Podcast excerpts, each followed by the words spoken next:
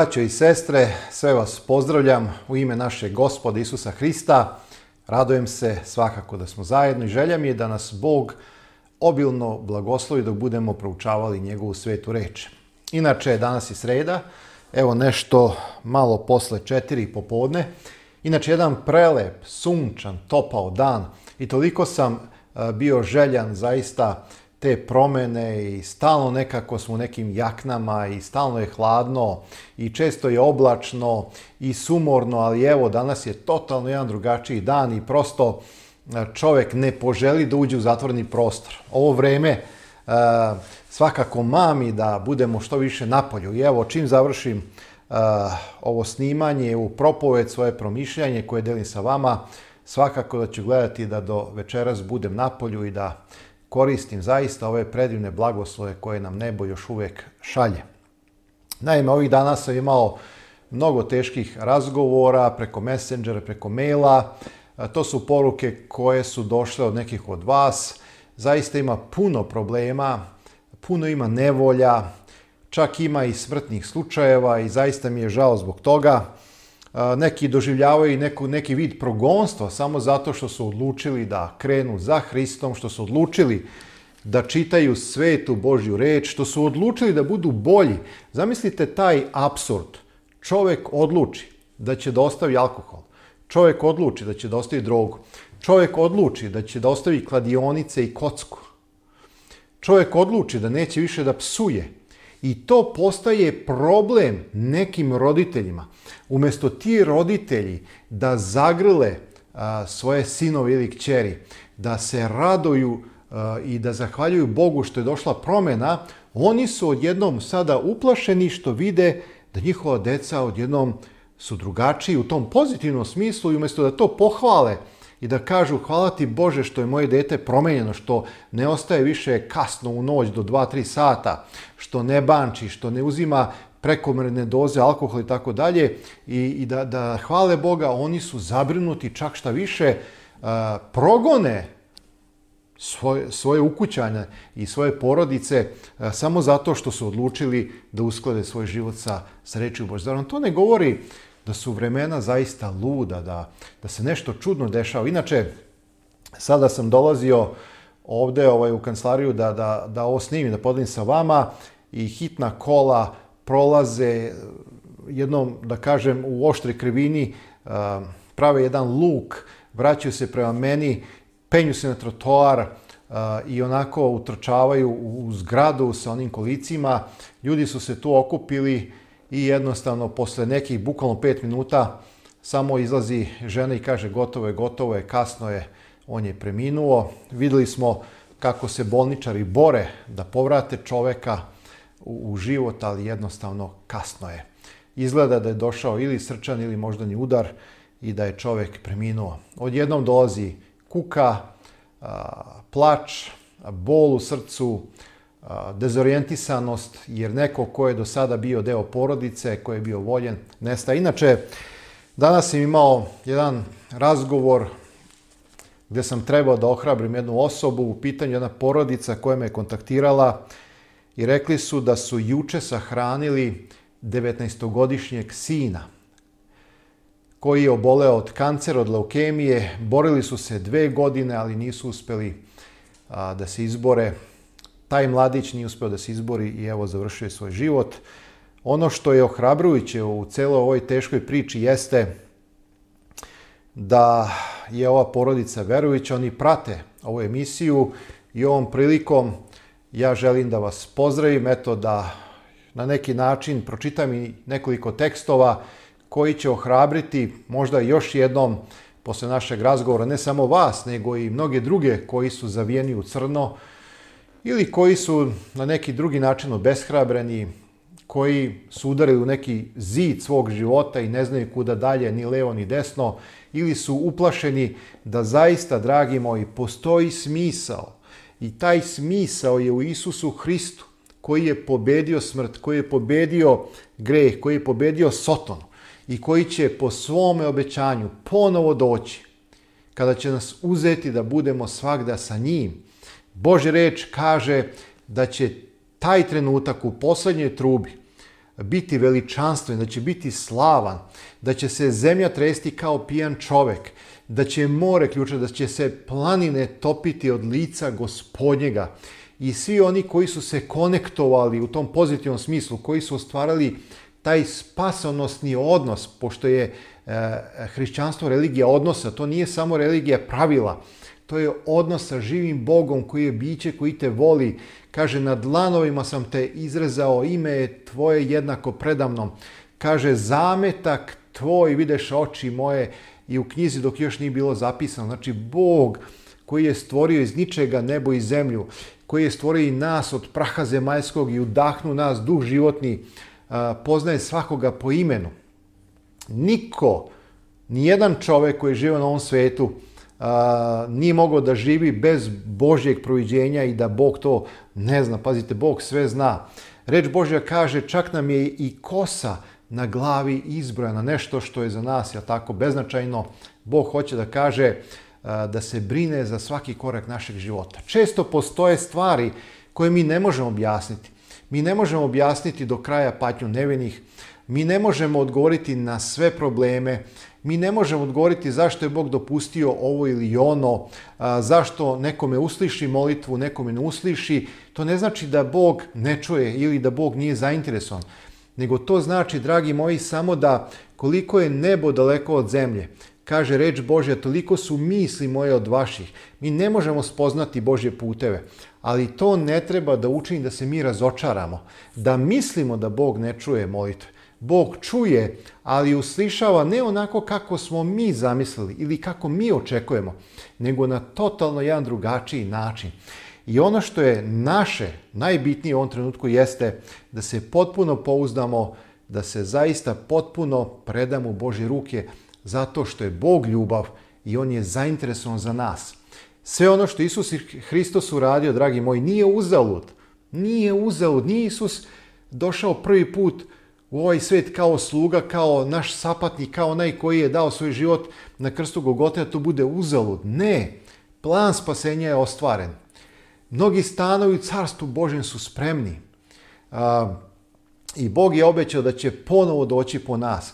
I zato, draga porodico, vi koji ste juče sahranili svog 19-godišnjeg sina, draga moja sestro, ti sa kojom sam danas vodio razgovor – želim još jednom da ohrabrem i sve vas sa rečima iz Evanđelja po Jovanu 11. poglavlje. Ako slušaš ovu emisiju u jednom trenutku, ili ti, ili tvoj suprug, čisto napišite komentar ako želite eto, da, da ljudi vide da se zaista radi o realnoj situaciji. I ja sam rekao da čitaš danas Evanđelje po Jovanu 11 i još neke tekstove, ali zapazite, Isus je dobio vez da je Lazar umro. I kad je dobio vez da je Lazar umro, Isus kaže, Lazar zaspa, hajde da ga probudim, idemo da ga... A učenici nisu to shvatili, o čemu to Isus govori. Kaže, pa učitelju, ako je zaspa, ustaće. A Isus im reče, upravo Lazar umre. I onda nakon četiri dana, ja sam u jednoj mojoj emisiji govorio zašto je prošlo četiri dana, nema ništa slučajno, jer bilo je slučajeva da su neki u toku dana kao umrli pa su se probudili. Mi danas znamo da je to neko stanje, ne znam da li je to klinička smrt, ali eto, čovjek uđe u neku komu ili nešto, pa se probudi, pa nekad je bilo i dva dana, samo jedan slučaj u Talmudu je zapisano da je prošlo tri dana, ali nikada nije zapisano u Talmudu da je prošlo četiri ili više dana. I nakon četiri dana, to potvrđuje i, i e, je tako, Marta, a, kaže da si ti bio ovde, ne bi moj brat umro, A Isus je reče, braće tvoji ustati, a Marta reče, znam da će ustati u vaskrsenju u poslednji dan i tako dalje. A Isus je reče, ja sam vaskrsenje i život koji veruje mene, ako i umre živeće. I nijedan koji živi veruje mene neće umreti zauvek. Znači, čovjek kada umre, odlazi u grob. Ali ako je verovao u Hrista, to nije zauvek, dragi moji. Zato Isus kaže, smrt je san, ova prva smrt, zato što ima ustajanje. Mi kada uveče idemo da legnemo u krevet, Niko od nas ne kaže idem da umrem, jel tako, nego idemo da spavamo. Zašto spavamo? Pa zato što ćemo ujutru ustati. Tako isto i smrt zbog Isusa Hrista, zbog Hristovog vaskrsenja je privremena. Smrt je pobeđeni neprijatelj, dragi moji. I ono što se desilo, draga moja sestra, sa, sa tvojim sinom, on se borio, bilo je mnogo patnje, e, borba, mnogo suze preliveno. Ali, draga moja sestro, tvoj sin sada spava. Nema više bola, nema više uh, muke, nema više uh, lekova, zračenja, šta god je on mora da prođe. I to je privremeno do onoga časa kada će se Isus vratiti na oblacima slave i kada će se čuti glas Sina Božjega i svi koji su u grobovima, koji su verovali Sina Božjega će oživeti. Ovo je, dragi moji, žila kucavica evanđelja. Ako ovo nemamo na umu, naš život će biti život besmisla. Naš život će biti život agonije, ali ovo je istina nad istinama, istina. I Sotona često želi da nam ovo skloni iz naše uma, da bismo bili plašljivi, da ne bi hrabro koračali kroz ovaj svet, da bismo se bojali za život svoj, da ga sačuvamo. A Isus kaže, koji čuva život svoj, izgubit će ga. U smislu radi svojih nekih udobnosti, ali koji izgubi život svoj, mene radi, naći će ga. Drugim rečima, Mi treba da se potpuno predamo Hristu da bismo jednog dana taj svoj život našli u Hristu, u Carstvu Božjem. Znam da je teško. Ja sam izgubio majku i mnogi drugi su među vama izgubili svoje mile i drage i svakodnevno se dešava da neko gubi nekoga i to je normalno jer smo mi ljudi puni osjećanja, mi smo ljudi koji volimo i normalno da je da, da neki način čovjek pati. Bilo bi besmisleno da čovjek ne osjeća bol ali taj bol ne treba da bude istog intenziteta kao što ga osjećaju neverujući ljudi ili ateisti ili agnostici ili ljudi koji ne veruju da postoji Bog i tako dalje. Kaže i, i, i i 32. stih kaže, a Marija kako dođe gde beše Isus i vidi ga, pada na noge njegove govoreći, gospode, da si ti bio ovde, ne bi moj brat umro. A Isus kada vide gde plače, zapazite koliko je Isus saosećajan. To je predivna slika o našem gospodu i Bogu i spasitelju. On saoseća, on nije drven ili nije onaj koji ima neko kameno srce koje samo čezne da kazni čoveka. On je Bog koji sluša, koji dožive u telu te emocije, kome je bilo žao kada je video kako ljudi plaču. Zato u otkrivenju 21. pogledu kaže i neće više biti bola, ni patnje, ni suza. Neće, ni smrti, jer prvo prođe. I kaže i reče, gde ste ga metnuli? Rekoše mu gospode, hajde da vidiš. I udariše suze Isusu. Meni je, dragi moji, prelepo biti sa Isusom, zato što Isus ima suze. Isus saoseća. Kada si pun bola, kada si pun patnje, dođi do Isusa i znaj i njemu će suze da krene, zato što saoseća. Bog se ne raduje našim patnjama, Bog ne uživa u tome da muči čoveka. Bog nije izvor patnje i zla. Sotona izvor, ali Isus ima suze. I kaže, a onda judejci govorahu, gledaj kako ga ljubljaše. A neki od njih rekoše, zapazite sada ironije, zapazite ljudske misli, zapazite kako greh izobliči čovekov um, Kaže, a neke od njih rekoše, ne mogaše li ovaj koji govori da otvori oči slepcu učiniti da ovaj ne umre? A Isus se opet zgrozi u sebi i dođe na grob i bijaše pećina i kamen ležaše na njoj. I kaže Isus, uzmite kamen. A reče u Marta, opet ta nevera. Malo pre je verovala, sad opet ne veruje. Jer čovek je takav. Boji se, plaši se, ne može potpuno da se preda u Božje ruke. I kaže, I reče Marta, sestra onoga što je umro, gospode, smrdi, četiri su dana kako je umro. A Isus joj reče, ne rekoh li ti, ako veruješ, vidjet će slavu Božju. Zato Isus čeka četiri dana, jer nije bilo ni jednog slučaja da je prošlo četiri dana i da je mrtvac uživeo. Jer mnogi bi mogli reći kad se skloni kamen, aha, ušao je kisonik, aha, desilo se ovo i ono, ma nije on bio baš mrtav i on je to oživeo, a ne zato što ga Isus vaskrsao. Ne, Marta potvrđuje, četiri su dana, raspada se, smrdi. I uzeše dakle kamen i onda Isus se pomoli Bogu i kaže, ovo rekavši, zovnu iz glasa, Lazar iziđi napolje. Ovaj moment, zovnu iz glasa, će se desiti u konačnosti u poslednjoj trubi. Taj gospodnji glas će u poslednjoj trubi, kao što se desilo na grobu Lazara, pozvati sve mrtve od Adama do poslednjeg čoveka koji su verovali Boga. I mrtvi će čuti glas Sina Božega. Ja ću vam čitati iz Evanđelje po Jovanu Hristove reči da on o tome govori. I kaže, ustaće u vaskrsenje. Ovde se Lazar vratio u život vaskrsenjem da bi ponovo umro u zemaljskom životu. Ali oni koji se probude u posljednjoj trubi dobit će besmrtna tela dobit će proslavljena tela. Nema više bubrega, kaže Jov, nema više produkta, nema više e, fekalija, nema više ničega, jer ta tela neće više zavisiti od varenja, od ne znam čega, u smislu bit će sve savršeno. Biće, dragi moji, 100% onako kako treba.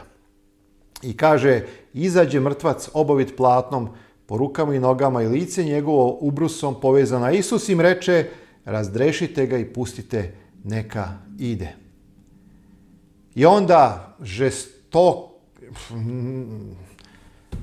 Pazite, umjesto ovo da proizvede veru, ovo umjesto da proizvede rado slavljenje Boga, kaže Biblija, vidite kako se čovjek deli. Jedni verovahu, a drugi su razmišljali šta će činiti i posle su planirali kako da ubiju Isusa. Zbog čega da gubiju? Zato što Isus nekog ubio zato što je nešto ukrao, zato što je nekog psovao, zato što je uradio neko zlo. Pazite, oni planiraju da ga ubiju zato što je vratio čovjeku postojanje. A zašto to rade? Pa zbog svojih hotelja, zbog svojih sebičnih interesa. Pa vidite na kraju da su i razapeli istinu. Jer nisu mogli podnijeti da budu u blizini istine. Jer znate, dragi moji, ko može podnijeti da bude u blizini istine? Pa onaj ko voli istinu. Ko voli Hrista. Ali onaj ko ne voli istinu, ko ne može da se suoči sa istinom, on će je razapeti i progonit će je dogod je ne razapne. Jer ne podnosi istinu jer je mrzi. I evo, 53. stih tog 11. pogleda kaže od tog dakle dana dogovoriše se da ga ubiju. I mi se čudimo odakle ovo ili ono i kako se neke stvari dešavaju. I čudimo se kad uradite nešto nekome dobro, i odjednom uradite nešto istinito, a onda taj čovjek umjesto da vas prihvati, da vas pohvali, da, da, da, da vas ceni zbog toga, on počinje da vas mrzi. On počinje da vas izbegava, on počinje da vas kleveće, on počinje da radi mnogo toga protiv vas, samo zato što ne podnosi istinu. Dragi moji, verujemo u Gospod Isusa Hrista. Budimo se sa pogledom u Hrista idimo uveče u postelju sa saznanjem da će uskoro Bog uspostaviti svoje carstvo. Da postoji svet kojeg je Bog spremio, koji je mnogo bolji od ovoga. Da li možete zamisliti, dragi moji prijatelji, život, život. Pazite, evo danas je meni lepo bilo. Jeste, čuo sam tešku informaciju, čuo sam neke teške stvari. Žao mi je za tog mladića. Ali i pored muke i patnje, još uvijek ima lepoga, još uvijek ima dobroga, još uvijek ima onoga što je blagosloveno, još uvijek ima dobrih prijatelja oko vas, još uvijek ima nekoga kome možete vjerovati na ovome svetu. Evo proleće, budi se trava, visi babe, ne znam, ljubičice, ljudi se raduju, Jeste, postoji i ta rotacijona svetla hitnih automobila koji odvoze čoveka i pitanje je da li je mrtav ili živ ili će možda uskoro i umreti i mnogo je oko, ali hajde da usmerimo pogled na ono što je dobro, na ono što je plemenito. Bog je rekao da će uskoro, uskoro stvoriti novo nebo, novu zemlju gde pravda živi, greha i grešnika više neće biti, suza, bola i plača. Zato kažem, kada ustajemo i kada ležemo, dok radimo naše poslove, razmišljamo ovim obećanjima. Da li ćemo to dočekati dok smo živi ili će se to ostvariti nakon naše smrti? Ne menja mnogo stvar jer je istina da će se to svakako desiti. Zapazite, ajde pre nego što odemo u Solunjanima poslanicu, samo da odemo u Evanđelje po Jovanu, Peto poglavlje, malo pre smo čitali iz 11. poglavlja, o tako vaskrsenje Lazarovo. A sada, dragi moji, hajde da pogledamo peto poglavlje. Isus kaže ovako, 24. stih i dalje. Znači, draga moja sestra, ti koja si zajedno sa svojim mužem sahranila juče svoje dete, koje si volela znaj da je u Bogu smrt pobeđeni neprijatelj. Moramo gledati napred. Znam da će nam Isus Hristos duhom svojim isceliti rane, da će uzeti tu bol, da će nam dati snagu da idemo napred. I pogotovo će nas ohrabriti kada razmišlja o ovim tekstovima. 24. stih 5. poglavlja daje kaže Zaista, zaista vam kažem, ko moju reč sluša i veruje onome koji je mene poslao ima život večni i ne dolazi na sud, nego je prešao iz smrti u život. Zaista, zaista vam kažem, ide čas. Dragi moji, ovo su Hristove reči, reči nelažnog Boga, koji sve što je rekao ispunjava. I ovo će se desiti. Zaista, zaista vam kažem, ide čas i već je nastao. Kada će mrtvi, objasnite mi kako će mrtvi čuti, ne znam, ali zato što Bog daje taj glas, čovek čuje. Kaže, mrtvi će čuti glas Sina Božjega i čuvši oživeti. Ne divite se ovome jer ide čas u koji će svi koji su u grobovima, gde je tvoj dragi sin sada, gde je moja majka koja je umrla pre dve godine, tri, gde su drugi koji su umrli. Isus kaže, osim Mojsija ili Enoha, u grobovima i kaže ne divite se ovom jer ide čas u koji će svi koji su u grobovima čuti glas Sina Božjega i izaći će koji su činili dobro vaskrsenje života i koji su činili zlo u vaskrsenje suda. Znači, nakon hiljadu godina, znate već tu priču, bit će drugo vaskrsenje i to je vaskrsenje da se primi večna kazna, večna smrt, večno uništenje, to je vaskrsenje na sud i osudom. Zato, dragi moji, Najbitnije je da ti i ja, ako i izgubimo život, ako i umremo, da vaskrsnemo u prvom vaskrsenju, jer Biblija kaže prvo vaskrsenje je vaskrsenje pravednih. I sada, evo reči za kraj, reči ohrabrenja.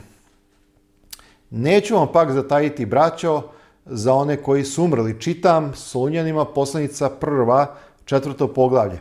Uzmite reč Božju, reč života u vaše ruke i nađite, listajte.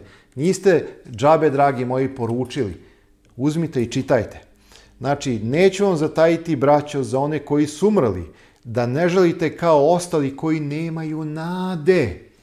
Znači, mi koji gubimo naše mili i drage, ne treba da žalimo kao oni koji nemaju nikakve nade, koji ne veruju Boga, koji se smeju kada čuju propoved na sahrani i kažu šta ovaj priča, pa ko će to kaže kada pokrije zemlja tamo, dva metara zemlje, dva kubika kad ti stave, ma kaže gotovo kad te crvići izjedu nema ništa. Pa dragi moji ima, ali nisi tražio odgovore na ta pitanja. Nisi se prepustio duhu svetom da te prosvete, da shvatiš da život na ome svetu ima smisla samo ako u Hristu. I kaže, jer ako verujemo da Isus umre i vaskrse, tako će i Bog one koji su umrli u Hristu dovesti s njim. Znači, kada Isus dođe po svoje, on će dovesti Ocu nebeskome natrag u Carstvo Božje za vrijeme od tih hiljadu godina na nebu, dovešće sve one koji su verovali Boga. Jer vam ovo kazujemo reči gospodnjom. Znači, nije to neka mudrost apostola Pavla, ovo je reč gospodnja. A o čemu se radi? Pa svakako da između mnogih tekstova koje apostol Pavle poznavao, aludira i na tekstu Evanđelju peto poglavlje. Kaže, mi koji živimo i ostajemo za, do, za dolazak gospodnji, nećemo preteći onih koji su pomrli. Ovde, dragi moji, obratite pažnju.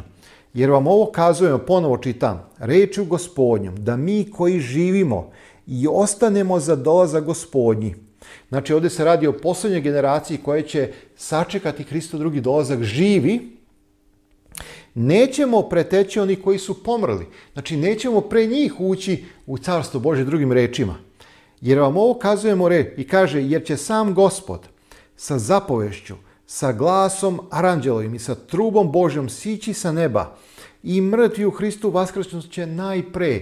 Znači, najpre će mrtvi vaskrsnuti, a potom mi živi koji smo ostali, zajedno s njima bit ćemo uzeti u oblake na susret gospodu na nebo i tako ćemo svakda s gospodom biti.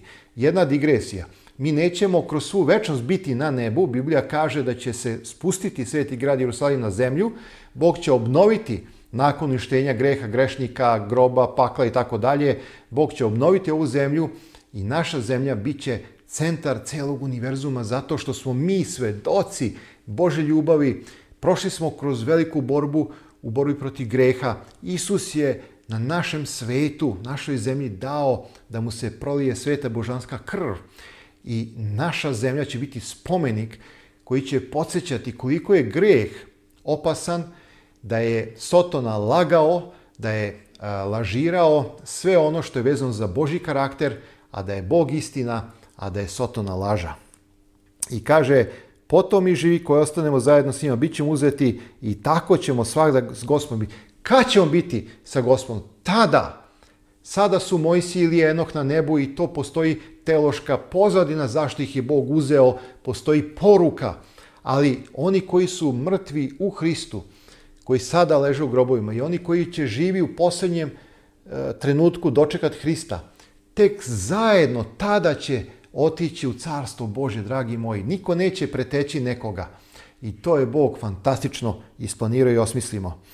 I kaže, tako utešavajte jedan drugoga ovim rečima. Apostol počinje kaže da ne želite kao ostali koji nemaju nade, a onda objašnjava zašto i na kraju kada objasni zašto, kaže ovim rečima koje ste sad čuli, utešavajte jedan drugoga.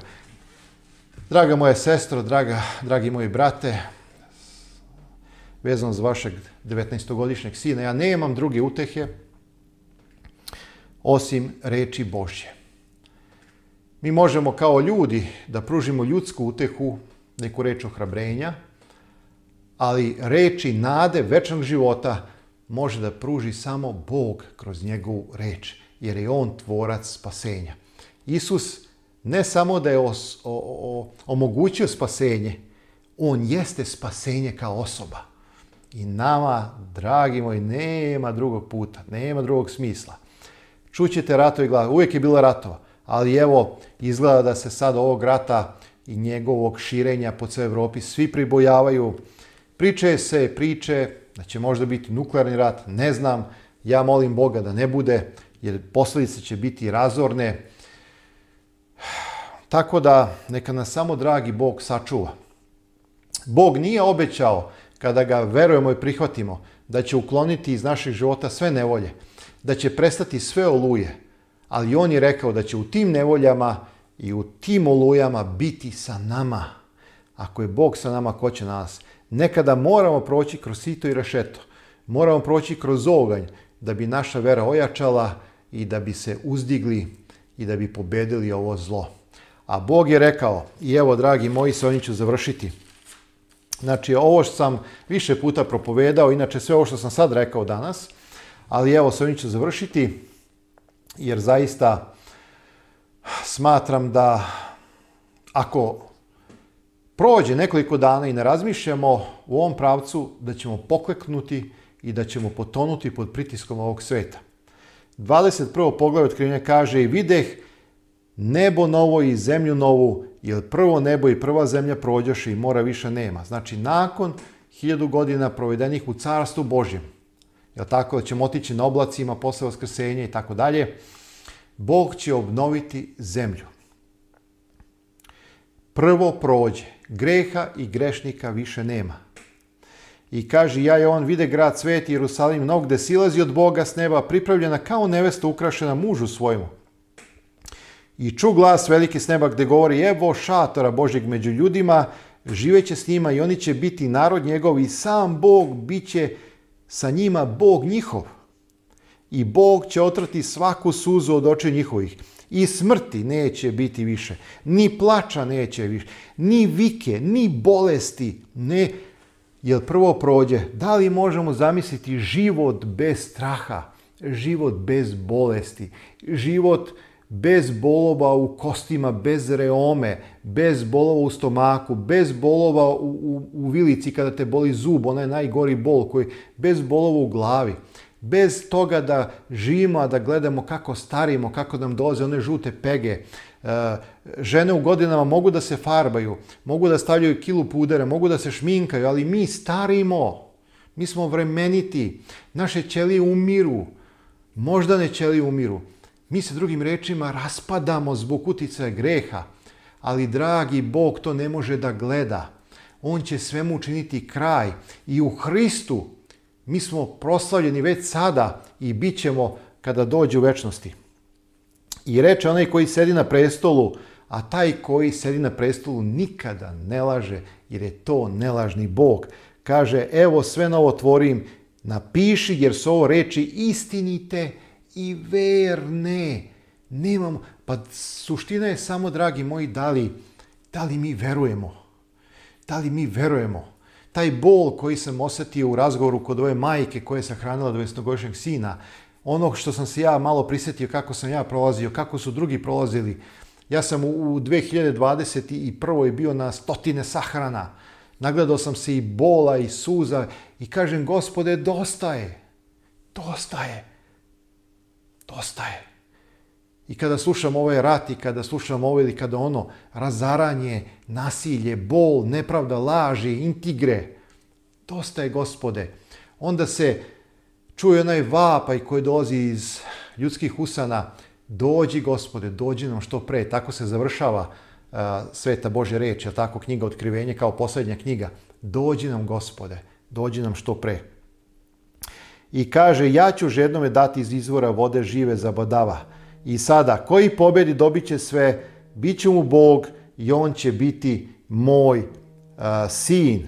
A strašivima, nevernima, poganima, krvnicima, kurvarima, vračarima, idolopoklonicima i svim lažama, njima je deo u jezeru što gori ognjem i sumporom i koje je smrt druga. Znači, to su večne posledice.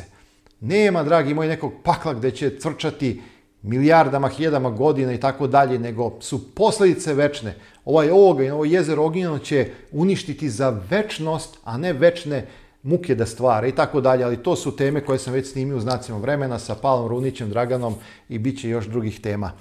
Za kraj, dragi moji, nemojte zaboraviti, sveta Božja reč, znači iz koje sam sada čitao, koje nas hrabri, je i dalje besplatna zahvaljujući vašoj podršci Latinica, Ćirilica, jel tako, Vuk Karadžić, brand kanala, Biblija uči 42 osnovne teme, knjiga Velika borba koja objašnjava taj početak i kraj sukoba kroz sve epohe, Upravo knjiga koja govori o ome što sam ja govorio, da je hrišćanski koncept vaskrsenje, a ne besmrtnost duše.